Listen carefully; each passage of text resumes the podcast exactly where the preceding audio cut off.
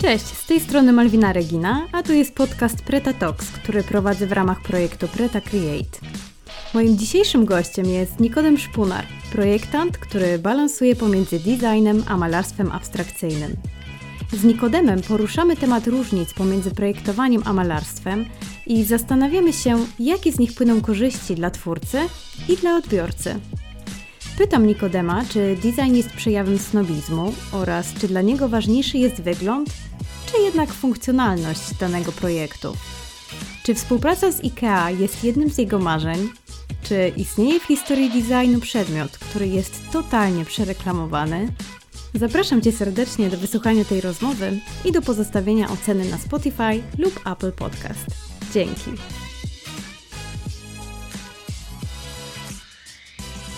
Cześć Nikodem, witam Cię bardzo serdecznie w Twojej pracowni. Miło mi tutaj być. Cześć, mi również miło. E, no, jesteśmy w Twojej pracowni i też przed chwilą, jak robiliśmy próbę dźwięku, to zdradzę, że w pierwszej kolejności powiedziałeś o sobie, że jesteś Nikodem bardziej projektant niż e, malarz. Możesz rozwinąć tę myśl, bo to jest chyba coś, czego chciałabym zacząć rozmowę z Tobą, czyli Nikodem projektant, malarz, artysta ogólnie. Jak, jak siebie definiujesz, jak chcesz, żeby o Tobie mówić? Ja myślę, że po pierwsze jednak projektant, e, bo ja wierzę w to, że gdzieś tam uczymy się zawodu.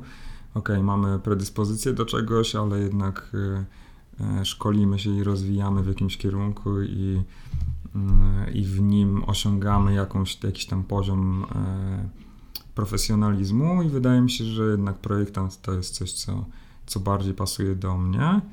E, ale malarstwo też trochę wynika z tego projektowania, czy, czy właściwie jest jakimś e, mm, efektem procesu e, projektowego, tak.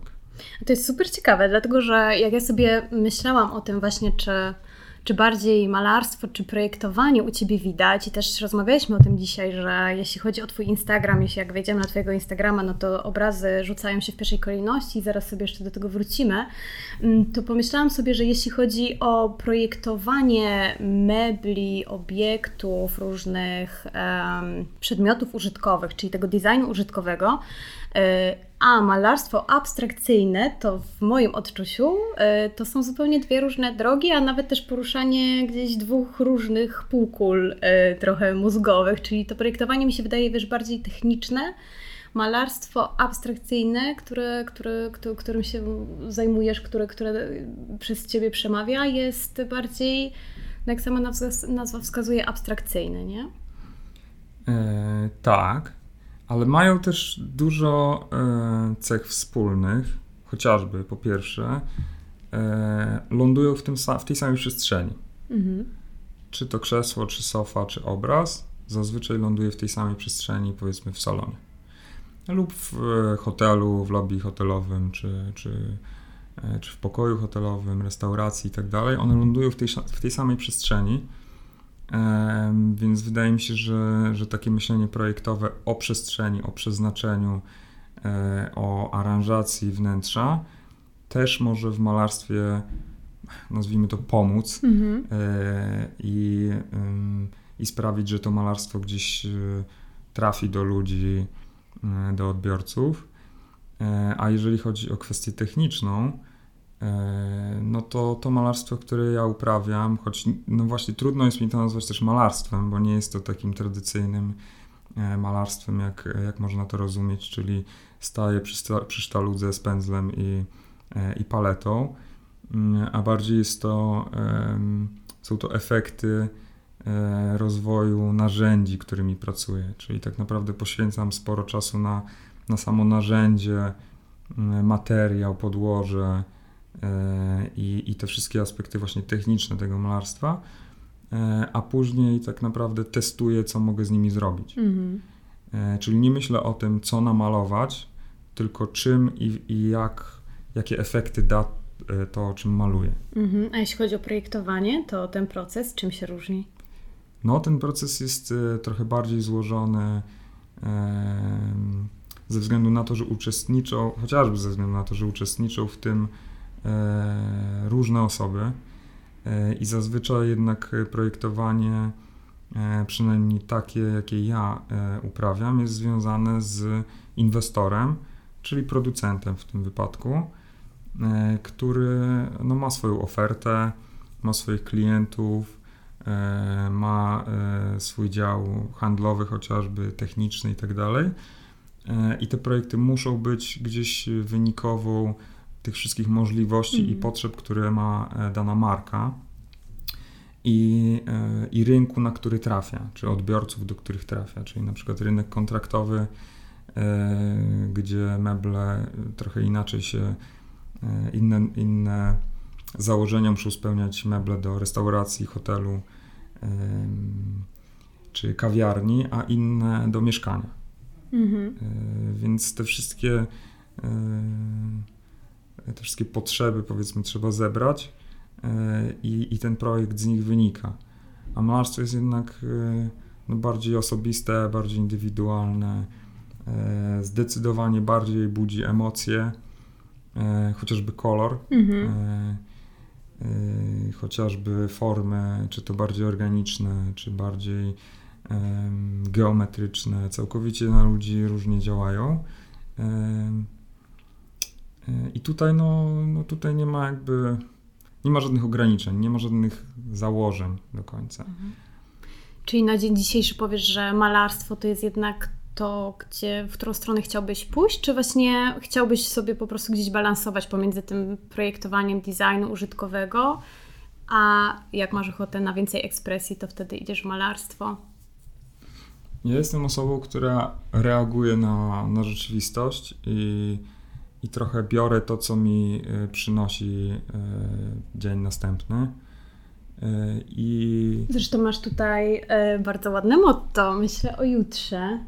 Tak, znaczy to jest też motto, które, które mi gdzieś tam towarzyszy, bo lubię być nie wiem, może jestem control freakiem albo coś, ale lubię wiedzieć, y, na czym stoję i lubię mm. po prostu zabezpieczać sobie e, przyszłość.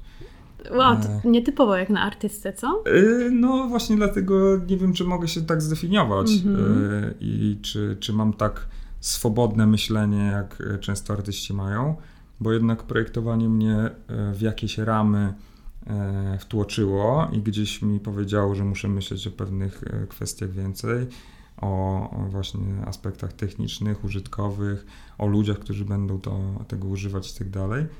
E, a artyści jednak bardziej wchodzą w swoje emocje, gdzieś w idee, które im towarzyszą, często chcą coś powiedzieć, mm, a ja tak naprawdę niewiele chcę powiedzieć.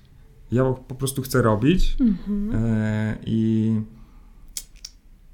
i wydaje mi się, że mm, wychodząc trochę od, ze świata usługowego, bo jednak projektowanie jest usługowe, e, nawet w malarstwie myślę o, o osobach, które będą później z tym obrazem obcować. Mhm. Powiedziałeś, że nie chcesz nawet nic powiedzieć, czyli jeśli chodzi o Twoje obrazy, to one one z założenia nic nie mówią, dopiero mówią wtedy, kiedy ktoś odkryje, co mówią akurat do niego. Zostawiasz to zupełnie po stronie odbiorcy? Tak, jak najbardziej. Mm. Oczywiście e, one muszą przejść przez moje sito, czyli e, jak namaluję obraz, to muszę stwierdzić, że on działa na mnie, czyli staję przed nim, patrzę i mówię, ok, coś we mnie, e, coś we mnie się dzieje, kiedy na niego patrzę i dopiero wtedy pozwalam komuś popatrzeć, spojrzeć na ten obraz i, i zobaczyć, jak na niego zadziała. E, nie robię tak, że po prostu wszystko, co namaluję, pokazuję i, e, i niech się dzieje, co mhm. tam ludzie sobie pomyślą. Więc na pewno musi zadziałać na mnie, e, wzbudzić jakieś emocje we mnie, ale nie ma planu, żeby to zadziałało tak i tak. Mhm. Czyli tak jak staję przed, przed płótnem, jest chwila, jest moment, który, który jest tu i teraz, kolor, który wybieram. Często po prostu kierując się intuicją, dzisiaj ten kolor e, pomieszam go i tak dalej. I, i to, i co maluję, w sensie jakie formy, e, jakie kompozycje, to to jest tylko i wyłącznie chwila tu i teraz.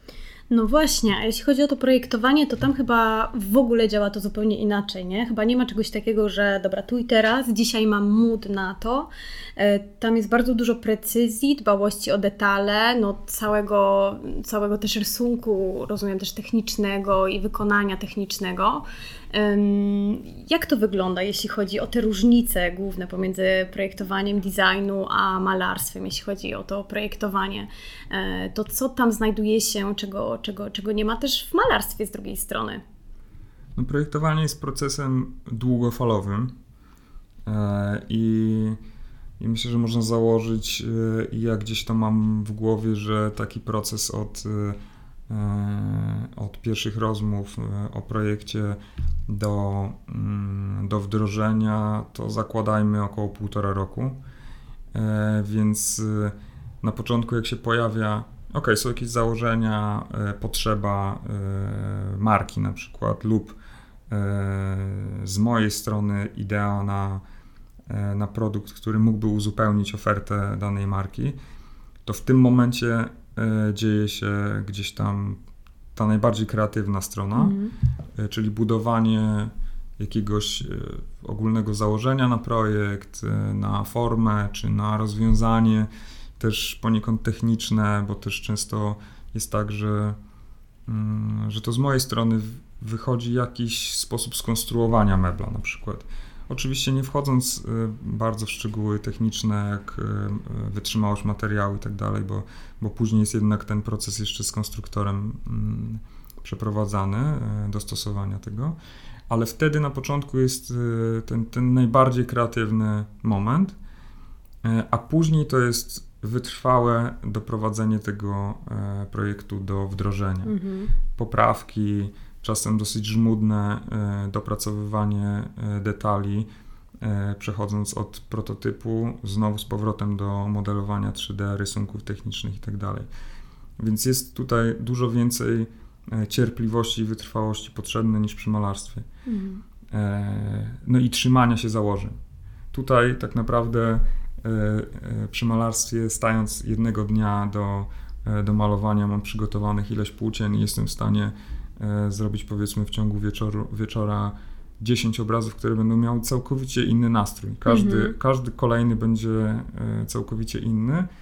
I to też jest dla mnie taki roller coaster, trochę emocji w trakcie mm, wieczora. A w projektowaniu musisz utrzymać cały czas ten sam poziom. E, raz, że zaangażowania, dwa, że skupienia, żeby nie pominąć czegoś, co miało być mhm. uwzględnione. E, albo, albo nie przegiąć w którąś stronę. No i nie może też ci się zmienić po prostu koncepcja, nie? Tak, oczywiście, nie może się...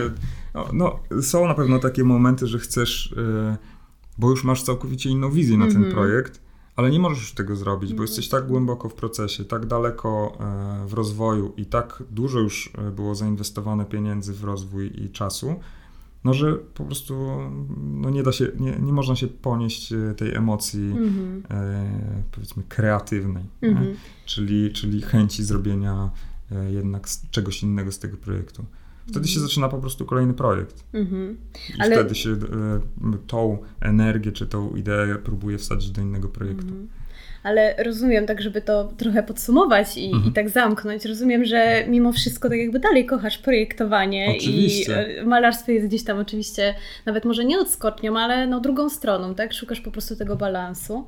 Oczywiście, teraz jakby malarstwo mi pozwoliło i to, że mm, to, że też zostało super przyjęte e, przez ludzi e, i, i po prostu komercyjnie jest to dla mnie gdzieś tam e, działająca dziedzina, to pozwala mi też trochę inaczej podchodzić do projektowania. Trochę mniej e, stresować się tym, że jest to mój jedyne, jedyne moje zajęcie w mm -hmm. życiu, e, jedyne moje źródło dochodu na przykład. I mogę inaczej trochę podchodzić do tych projektów, trochę bardziej swobodnie, trochę bardziej zastanawiać się, czego ja chcę od tych projektów faktycznie i czy ja chcę zrobić taki projekt w ogóle. Mm -hmm.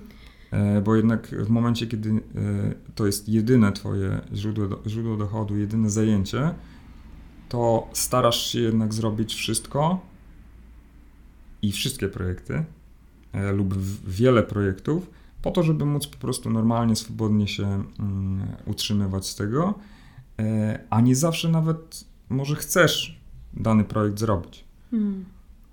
A mając alternatywę, no masz tu możliwość, że ok, odpoczywam trochę od tego tematu, może w ten temat nie wejdę, bo po prostu widzę, że ani dla mnie, ani dla, mm, dla marki na przykład nie będzie korzyści z tego, więc może nie ma sensu. Mhm. No tak.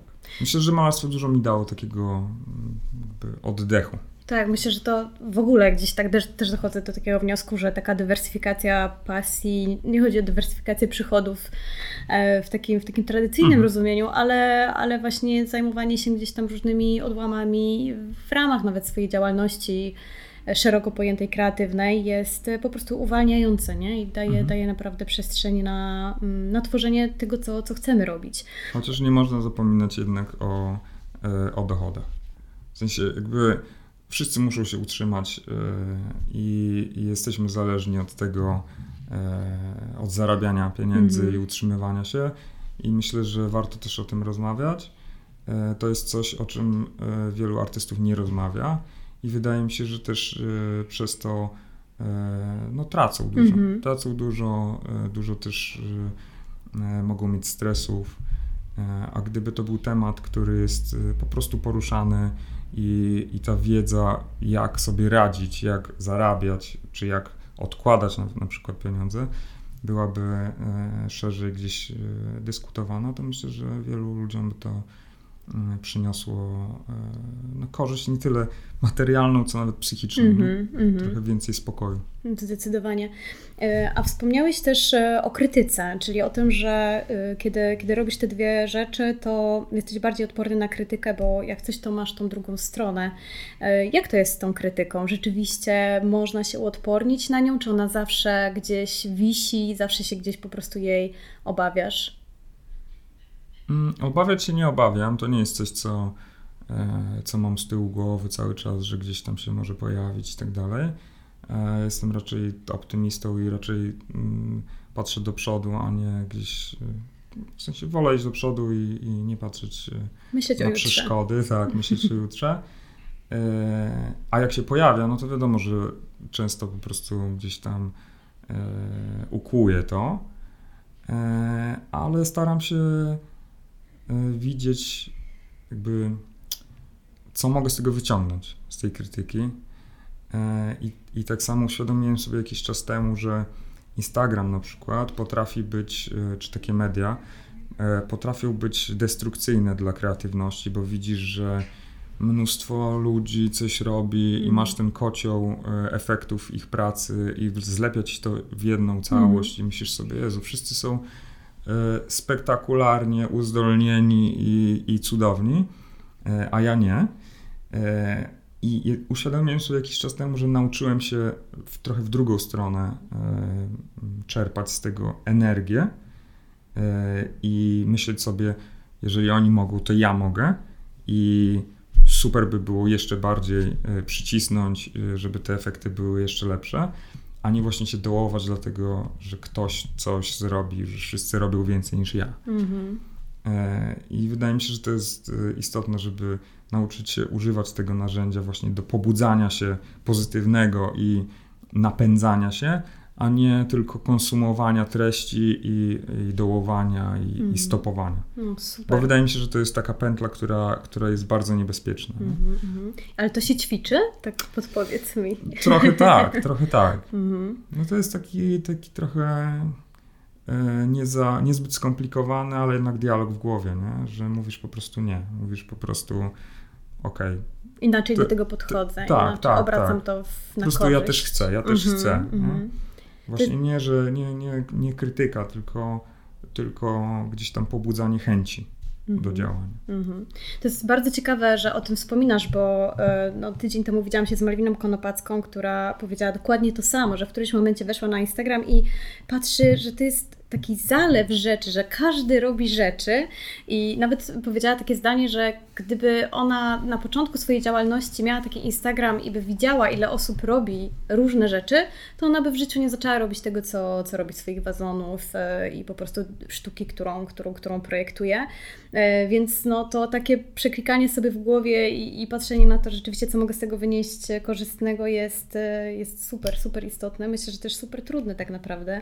No na pewno nie jest łatwo, bo tak jak mówisz, no, jesteśmy zalani mnóstwem cudownych rzeczy. Tak naprawdę mega uzdolnieni ludzie są na świecie, e, a Instagram pokazuje świat, nie tylko Polskę, nie tylko mm-hmm.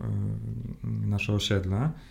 E, I jest bardzo trudno nie myśleć o tym, że przecież ja tego nie zrobię. Mm-hmm. Ale nie musisz tego zrobić w ogóle tak. Mm-hmm. Możesz to zrobić całkowicie inaczej. Możesz zaproponować coś, co, co będzie inne, twoje. Mhm. A jeżeli nawet będzie podobne do czegoś, co później znajdziesz e, w sieci, to też nie ma większego znaczenia. Mhm.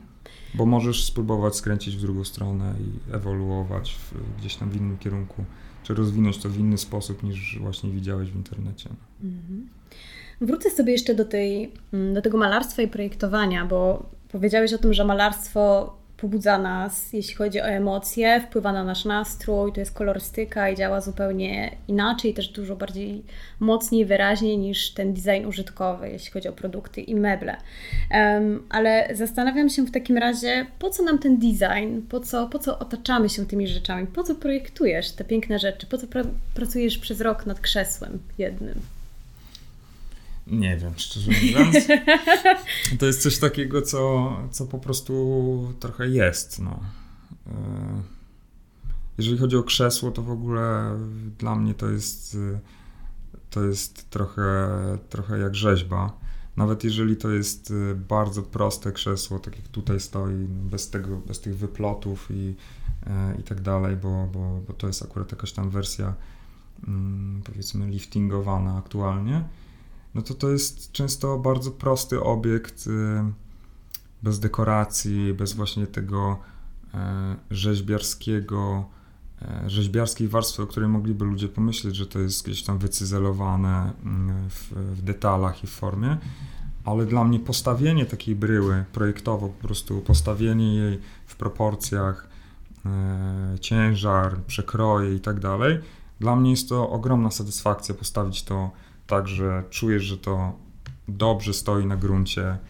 E, w krześle jest, każdy element jest e, mega istotny, bo przynajmniej w drewnianym krześle każdy element jest widoczny. Nie ma czegoś, co jest ukryte. E, więc każdy fragment jest istotny, żeby, żeby go rozwiązać i, i często, przynajmniej ja podchodzę do, do mebla tak, że nie, nie dodaję zbędnych elementów. Mhm. Czyli każdy musi mieć swoją funkcję, a w całości muszą tworzyć e, harmonijną mm, bryłę, dobrze stojącą w przestrzeni i w, mhm. e, i w otoczeniu. Nie wiem, szczerze mówiąc, dlaczego projektowanie w ogóle. Bo zawsze chodziłem gdzieś tam do, do szkoły plastycznej, czy to gimnazjum, czy liceum, to były szkoły plastyczne. Nawet w podstawówce byłem na profilu E, artystycznym taki. No, Czyli ciekawe. od dziecka byłeś Tak, tak, tak. Um, ale projektowanie tak naprawdę to ciekawe, bo, bo jedną z osób, która mi powiedziała, że jest coś takiego jak wzornictwo, to był nauczyciel malarstwa. Mhm. I on powiedział, słuchaj, no może dla ciebie to może wzornictwo. Ja powiedziałem, okej, okay. okej, okay, mogę spróbować, nie? Mogę spróbować. E, I z Rzeszowa do Warszawy jest jednak kawał drogi, ale doszedłem do wniosku, że można spróbować i, e, i się dostałem i poznałem projektowanie. Um, oczywiście to akademickie projektowanie, um, w sensie uczelniane projektowanie, a to jest trochę co innego niż rzeczywistość później. E, ale jednak te, ten obszar mebli mi się tutaj gdzieś po prostu naturalnie wydał najciekawszy. E, bo gdzieś tam w domu e, miałem ten, mm, tą warstwę powstawania rzeczy customowo, bo, bo ojciec robił gdzieś tam meble do domu. Mhm. Mm, z kolei e, dziadek, czyli ojciec mojej mamy, rzeźbił w drewnie, robił też meble do, do kościołów ręcznie, jakieś krzyże i tak dalej. W, w drewnie dużo pracował, więc wydaje mi się, że gdzieś to mm, gdzieś to się pojawiało w życiu i po prostu skojarzyłem sobie nie, te mm-hmm, meble. Mm-hmm. Pojawiło się to takie, okej, okay, fajnie, to może być przyjemne, dla mnie może to być e, jakby naturalne i, i rozwijające. Mm. Czyli, Więc... czyli, czyli to jest tak, że to, co um, od dziecka mamy wokół siebie, bo ja ostatnio mhm. bardzo, bardzo mocno o tym myślę i też właśnie pytam gości mojego podcastu o to, e, czy zgodzą się z tą tezą, że to, co daje nam otoczenie od dziecka, rodzice, e, miejsce, w którym się wychowujemy, szkoła, do której chodzimy, ma ogromny wpływ i no, w większości procentów determinuje to, co robimy później w życiu? Myślę, że tak. Myślę, że tak. Ale czasem to też jest jakaś mała część. To nie musi być na przykład wiodący wątek gdzieś tam w, w domu, mhm. e, ale może być to jakimś mm, jakąś małą częścią, która się pojawiała, na przykład jak te meble, które gdzieś tam się pojawiały, to nie było coś, co było zawodem e, na przykład mojego ojca, mhm. e, ale to się pojawiało i, i mi to pokazywało, że to może gdzieś powstawać nie w sklepie, że tam mhm. ze sklepu się kupuje, to, tylko że to można samemu gdzieś tam zrobić, mm. wy, wytworzyć, wy, e, wykreować. E, ale na pewno istotne jest to, że, że gdzieś rodzice bodźcują swoje dzieci nie? na różne kierunki, pokazują im jakieś możliwości w życiu, bo też miałem taki okres w życiu, że, mm, że grałem na pianinie. Mm. Sześć lat y, szkoły takiej, takiego ogniska muzycznego, gdzie tam po prostu próbowano mnie nauczyć gry na pianinie. Oczywiście próbowano, bo, bo dalej nie kontynuowałem tego, e, choć e, ostatnio mam jakieś takie myśli, że fajnie by było może e, gdzieś do tego wracać, może w inny sposób niż gra na pianinie, może produkcja bardziej muzyki mm niż, niż granie muzyki. Ale wydaje mi się, że takie właśnie pobudzanie no na pewno daje lepsze, mm, lepsze pole wyboru, czy, czy wyobrażenia sobie nawet, co możesz robić w życiu. Mhm. Że nie, nie zaczynasz od zera i szukasz swojej drogi, tylko gdzieś masz już jakiś wybór, jakieś y, kierunki, które, które gdzieś widziałeś w domu. Mhm. A studia zagraniczne? Mm, bo studiowałeś w Dublinie. Mówisz o Dublinie. Mhm. No to była, to były półroczna, y, półroczna wymiana studencka. E, no, byłem zaskoczony. E, mm, czy zaskoczony? Mogłem się spodziewać w sumie, bo Irlandia nie jest jakimś dużym też e, krajem, że ta uczelnia jednak nie była tak sprofesjonalizowana jak nasza. Mm -hmm. A czemu Dublin? Tak po prostu wyszło? Trochę tak wyszło. Mm -hmm. Trochę tak z też z zaciekawienia krajem. kierunek, tak, jak trochę... artystyczne kierunki, gdzieś tam nie, e, nie, nie wiem, Dania na przykład, nie? Tak by się mogło e, No tak, albo projektowo. No tak, tak, tak. Albo chociażby jakiś cieplejszy kraj, żeby po prostu, żeby po prostu trochę odpocząć od, od polskiej pogody. E, no, nie wiem, jakoś tak wyszło i razem z Kamilą właściwie pojechaliśmy tam mm. na tą wymianę. Yy, na pewno to, co ciekawe, to w jaki sposób była skonstruowana ta szkoła, mm, że jeden kampus yy, zbierał wszystkie dziedziny yy, sztuki, które tam były na tej uczelni, dzięki czemu ci ludzie cały czas ze sobą się kotłowali. Mm. Czyli ludzie z projektowania, z ludźmi z ceramiki, z malarstwa, z rzeźby i tam po prostu różne różne mm, dziedziny e, no, były obok siebie. I wydaje mi się, że to było bardzo ciekawe tam. E, oczywiście towarzysko też bardzo e, Irlandia jest rozwinięta, powiedzmy tak delikatnie.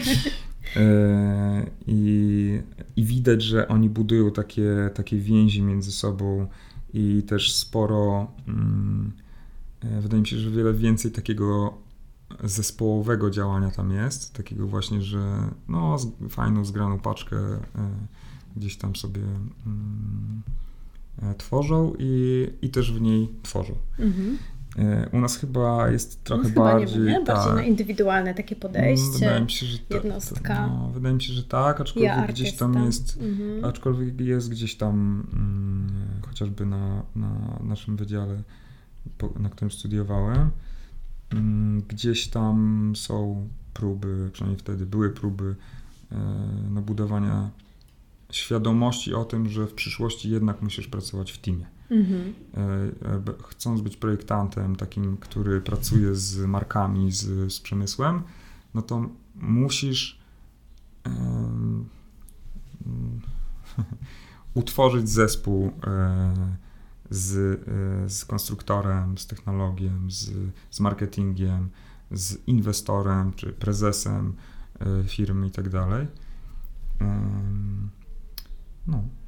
Mhm. Ty pracujesz w tandemie z Kamilą, jeśli chodzi tak. o projektowanie tak. E, razem. Jak się tutaj uzupełniacie? Jest bardzo różnie. Bardzo organicznie. E, I mm, czasem jest tak, że, że ja więcej projektuję, czasem jest tak, że Kamila więcej projektuje. E, czasem jest tak, że po prostu rozmawiamy, czy któryś z nas bardziej czuje ten projekt E, a drugie mniej, i wtedy jedna osoba przejmuje mm, e, inicjatywę i działanie nad projektem. Staramy się po prostu nie. Chyba, chyba nie lubimy jakby takich sztywnych e, reguł, e, tylko lubimy e, jakby poczuć się dobrze. Mhm. I e, i już. Nie, nie, nie mamy takiego biurowego podejścia. Mm. Ale to musicie być super dograni, że dajecie sobie też tyle przestrzeni na to, że akurat ty masz na to ochotę, ja na to, a co jeżeli żaden z was nie ma ochoty robić czegoś, co trzeba zrobić? No to jedno dostaje to zadanie. E, no nie, to po prostu próbujemy się wspierać w tym, żeby, mm. żeby e, sobie poradzić. No, jesteśmy też małżeństwem. E, to też jest ciekawy, e, ciekawy aspekt.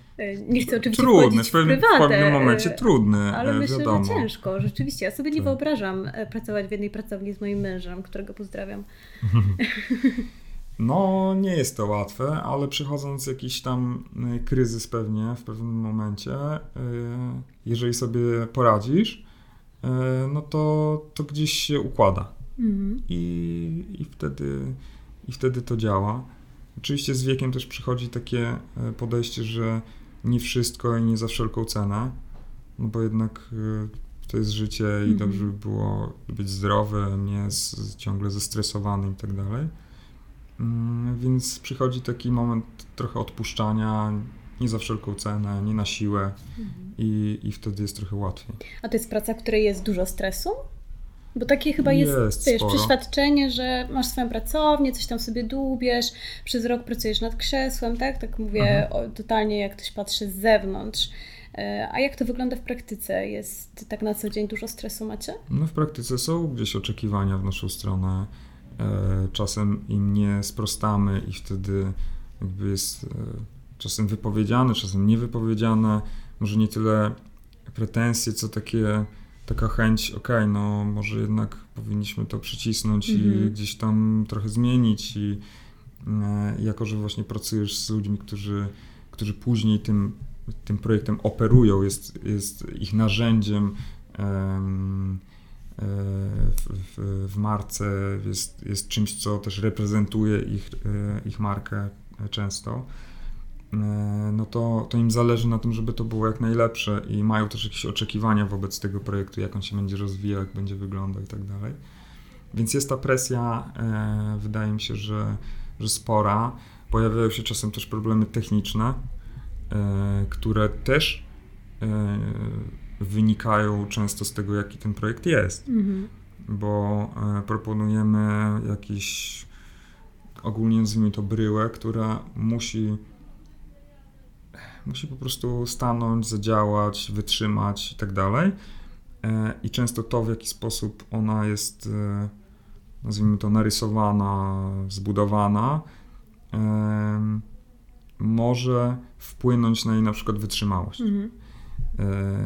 I I wtedy czasem jest tak, że no miałem nawet ostatnio taką sytuację, że po jakiejś tam serii już sprzedanych mebli wróciły do mnie zdjęcia połamanych tych mebli. I, I teraz dochodzimy, dlaczego. Wspólnie z, z mhm. firmą też dochodzimy do, E, próbujemy dojść do tego, dlaczego i co trzeba zrobić, żeby zapobiec temu w przyszłości. E, więc jak dostaję takie zdjęcie, takiego maila na przykład, no to się pojawia stres. Mhm. No bo jednak jest to e, po części moja odpowiedzialność, moja e, e, wina, mhm. że, coś, e, że coś się stało.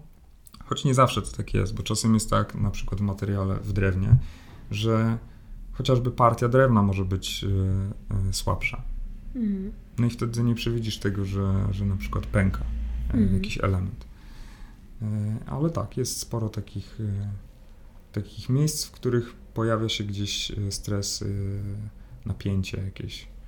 Mhm. Wiadomo, jak to w, w biznesie, który jest gdzieś Mm, związany z pieniędzmi, z ludźmi, z utrzymaniem fabryki na przykład. Nie? Tam mm-hmm. Często pracuje 150-200 mm-hmm, osób nawet. Mm-hmm, to ty też jesteś częścią tego. No. Proponujesz coś, co później będzie produkowane.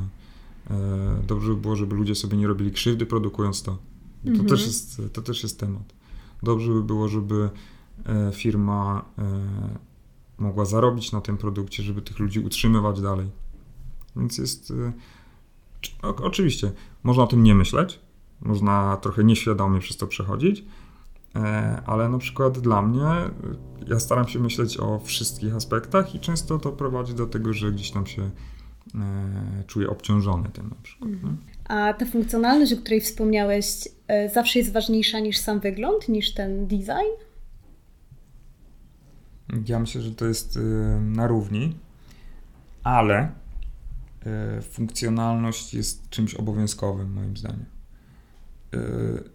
E, czy też mówię teraz e, z perspektywy osoby, która głównie projektuje siedziska, mhm. czy to mhm. krzesła, czy fotele. No to dla mnie po pierwsze krzesło czy fotel musi dawać komfort.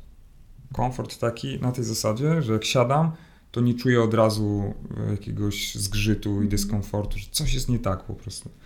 Dla mnie to jest podstawa, którą trzeba odrobić i to jest tak jakby mm, no po prostu taki sprawdzian, że projektant wie, jak to zrobić, żeby tam nie było zgrzytu. E, I od tego zawsze zaczynam. Mm, niezależnie e, co to jest, to zawsze zaczynam od ergonomii. Zawsze sprawdzam poprzednie projekty. E, wiem, jak się na nich siedzi, więc staram się znaleźć te, które przy następnym projekcie będą najlepsze pod kątem ergonomii i albo to rozwijać, albo próbować zastosować podobne kąty, wymiary, mm, coś, co już wiem, że będzie, będzie sprawiało przyjemność, jak się siada na tym. Oczywiście na różnych y, meblach się różnie siedzi, bo na twardych oczywiście nie wysiedzisz dłużej niż na mhm. miękkich i tak dalej. E, i do czego, do czego innego służą e, drewniane, gołe krzesła, a do czego innego fotele. Mm, ale dla mnie ta, ta funkcja musi być tutaj odrobiona i, i to jest obowiązek, a później naokoło tego buduję e, to, jak to wygląda. Mhm. Ale już znając, przerabiając wiele projektów, już wiesz, jak ten komfort działa, jak, jak go zastosować, jak, Mm, jak e, skonfigurować kąty i tak dalej, żeby, e, żeby to odrobić, powiedzmy. Ale gdybyś miał dylemat funkcjonalność, no, e, ergonomia, czy jednak wygląd, design, to byś postawił na. Wiesz, musiałbyś mm. dokonać jakiegoś wyboru, jeśli chodzi o mm, wyprofilowanie, o nóżki, nie wiem dokładnie, A, co to mogłoby być, ale sposób. wiesz. Czyli już jestem w projekcie, tak? Mm -hmm. Czyli to nie jest tak, że no bo bardzo różne projekty są mm -hmm, też. Mm -hmm bo myśląc o, o powiedzmy stoliku mm, e, czy ławie kawowej do salonu, to, to dla mnie oczywistym jest, że można bardziej myśleć o wyglądzie i o, o rozrzeźbieniu tego, tej bryły, e, no bo funkcją jest stolik o danej wysokości. Oczywiście tam można myśleć o tym, czy się łatwo go przesuwa i tak dalej, ale jednak e, tutaj bardziej możesz myśleć o tym, żeby, żeby to było po prostu bardziej rzeźbą w przestrzeni. ale myśląc o, o krześle i to szczególnie na rynek kontraktowy, no to to siedzenie dla mnie jest, y, w sensie ta funkcja, Mhm. ta, ta ergonomia jest dla mnie bardzo istotna. Mhm. Bardzo istotna, więc wolałbym jednak y, zrezygnować z, z jakiegoś detalu, czy z jakiegoś ym, mm, rozwiązania estetycznego, powiedzmy, na rzecz tego, żeby jednak dobrze się na tym siedziało. Mhm. Chociaż wiem też, że coraz częściej jednak jest, y, mm, jest istotne wyróżnienie produktu wizualnie. Mhm. No bo, bo rynek jest duży, jest, jest bardzo dużo produktów y, na świecie y, i, no i zaczyna się od wzroku. Mhm. Zaczyna się od tego, jak się patrzy na ten mebel. Nie? Ale jak piękny by nie był mebel e, i ile by nie kosztował, jak na nim usiądę i powiem, że, że jest niewygodny, Mhm. no to ja na przykład jestem lekko, czuję się oszukany po prostu, nie? Mhm. że produkt wysokiej, przynajmniej powinien być wysokiej klasy, bo kosztował naprawdę dużo i jest renomowanej marki, nagle okazuje się, że siadasz na tym i, i, i myślisz sobie, nie, no ja po prostu nie chcę tego mieć u siebie w jadalni, bo, bo nie wysiedzę. Nie? Mhm. A to jest ciekawe, bo następne moje pytanie dotyczyło Marcina Wichy i jego tezy, że e, bardzo często design, ten design użytkowy jest przejawem snobizmu. E, Zgodzisz się z taką tezą, że albo widzisz to na przykład gdzieś wśród swoich, nie wiem, czy znajomych, czy otoczenia, czy klientów, że jednak ten snobistyczny aspekt jest ważniejszy nawet niż funkcjonalność, czyli są w stanie zapłacić za ten konkretny projekt, dlatego że to jest ten projekt, a nie dlatego, że on jest e, użytkowy i wygodny? Ja myślę, że we wszystkich e, e, obszarach życia, produktów, czy tego, e, czym się otaczamy, tak jest. Czyli niektórzy będą chcieli mieć coś, żeby to mieć i żeby pokazać, że to mają, a niektórzy docenią to, że jest za tym proces, jest za tym myśl e, i to niestety trochę więcej kosztuje, bo, bo tak jak mówię, czasu, jest potrzeba sporo czasu, żeby to dopracować. Nie generalizowałbym, e, że projekty, projekt, zaprojektowane meble przez jakiegoś projektanta określonego, nazwisko i tak dalej, e, że to jest e, przejaw snobizmu.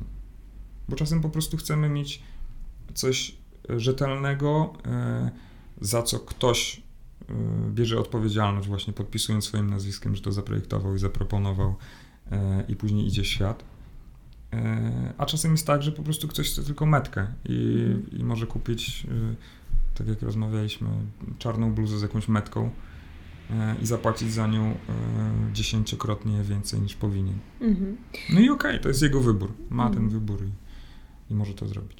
A odkryłeś jakieś takie topowe projekty e, z designu, które okazały się jakimś bublem? Czyli wiesz, e, potrafisz wymienić jakiś taki projekt, który wszędzie jest e, wychwalany i, i wszyscy chcieliby go mieć, bo to jest ten projekt, a się okazuje, że właściwie to nie ma, nic za tym nie stoi. To, co mi przychodzi na myśl i to, co jest zresztą też powtarzane e, na lekcjach historii wzornictwa, e, to jest e, słynna wyciskarka do cytrusów Mhm. Filipa Starka, ale to już chyba wszyscy wiedzą, że ona po prostu nie działa. Ale to jest taki, no, taka, taka oczywistość jakby dla ludzi, którzy Mhm. gdzieś tam e, coś wiedzą o projektowaniu.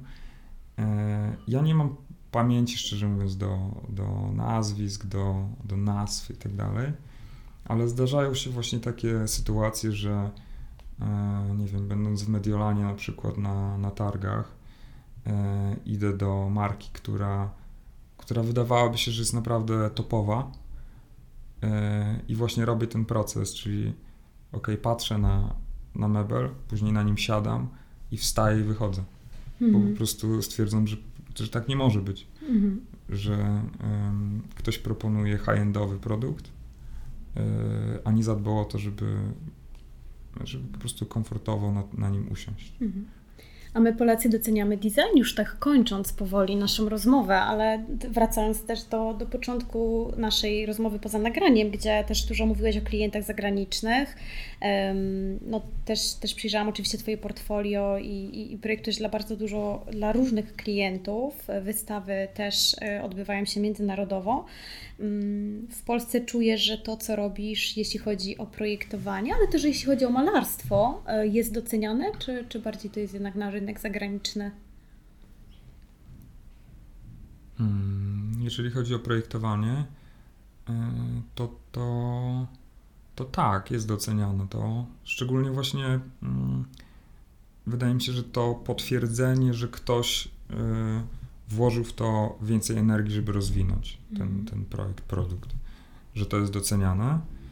E, na pewno jest e, jakiś tam obszar takiego zainteresowania hypem, że jest po prostu e, jakoś tam wypromowana marka na przykład i, i dopiero wtedy ludzie zwracają uwagę na, na projektowanie.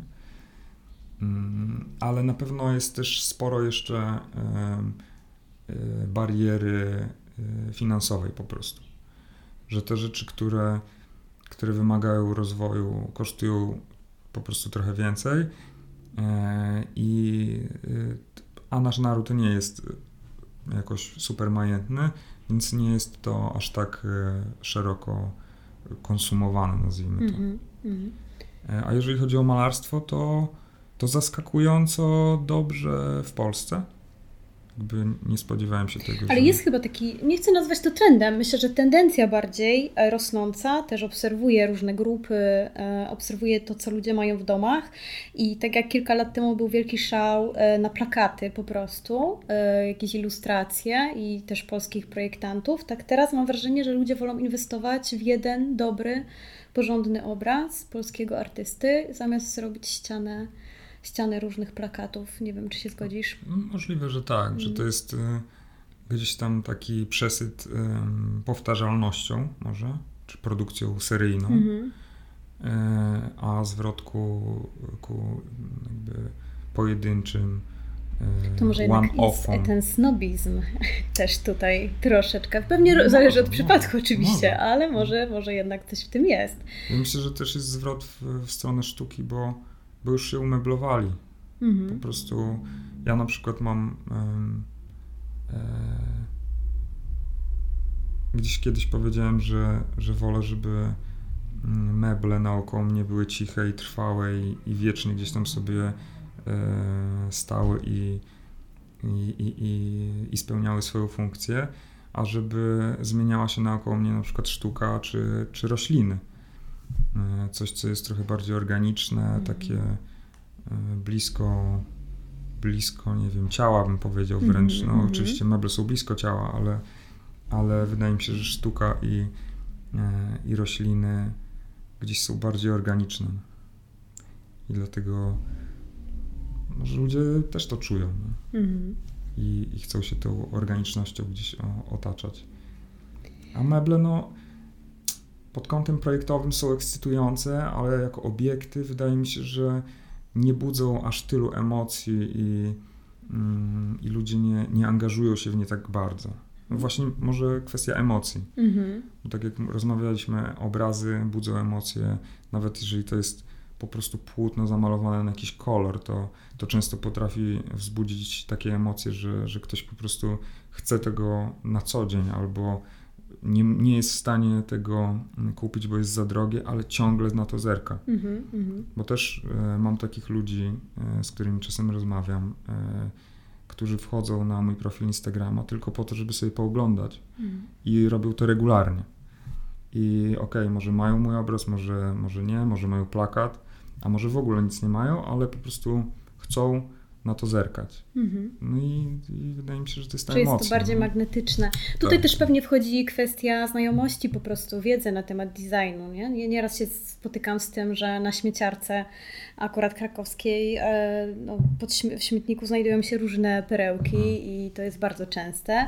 Więc to też jest tak, że jeżeli wchodzimy na przykład do mieszkania, które jest bardzo powiedzmy minimalistyczne w kolorystyce, ale wypełnione dobrym designem, to nie każdy to doceni. Ale jeżeli mhm. mamy mieszkanie, które jest kolorowe, eklektyczne, a niekoniecznie znajdują się tam obiekty, jakieś topowe obiekty designu, czy, czy właśnie od polskich projektantów, no to, no to rzeczywiście wtedy te, ten kolor łatwiej, mhm. łatwiej e, budzi emocje i wychodzi na pierwszy plan. Bardzo Ci dziękuję za rozmowę. Myślę, że, że, że bardzo ładnie e, też zamknąłeś naszą rozmowę tymi różnicami pomiędzy e, designem i malarstwem, czyli e, to, od czego żeśmy sobie zaczęli.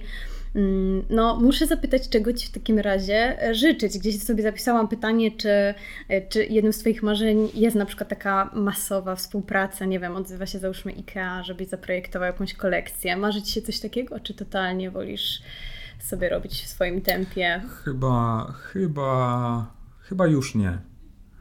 E, kiedyś e, zdecydowanie bardziej e, mnie to pociągało, a w tym momencie raczej myślałbym pewnie o tym pod kątem biznesowym niż pod kątem jakimś ambicjonalnie spełnieniowym. Wydaje mi się, że tak. A czego możesz mi życzyć? To na pewno zdrowia. E, bo ja sobie resztę ogarniam i, i daję sobie radę. Na pewno zdrowie i po prostu energia. I słońca, bo Oj, mówiłeś, słońca, że na urlopie tak. ci zabrakło. Trochę, trochę zabrakło, ale teraz przez okno widzę piękne słoneczko i jest bardzo przyjemnie. Dokładnie, wyjątkowo e, na koniec lutego. Bardzo Ci dziękuję za to spotkanie i za rozmowę. Ja również dziękuję i pozdrawiam wszystkich. Jeśli podobała Ci się nasza rozmowa, śledź projekt Preta Create tutaj, na Instagramie, na Facebooku i w świecie realnym. W Preta Create tworzymy kreatywne szkolenia i warsztaty, nagrywamy podcasty i rozmawiamy z ludźmi z szeroko pojętej branży kreatywnej w Polsce. Przyłącz się do nas i rozwijaj ten projekt razem z nami.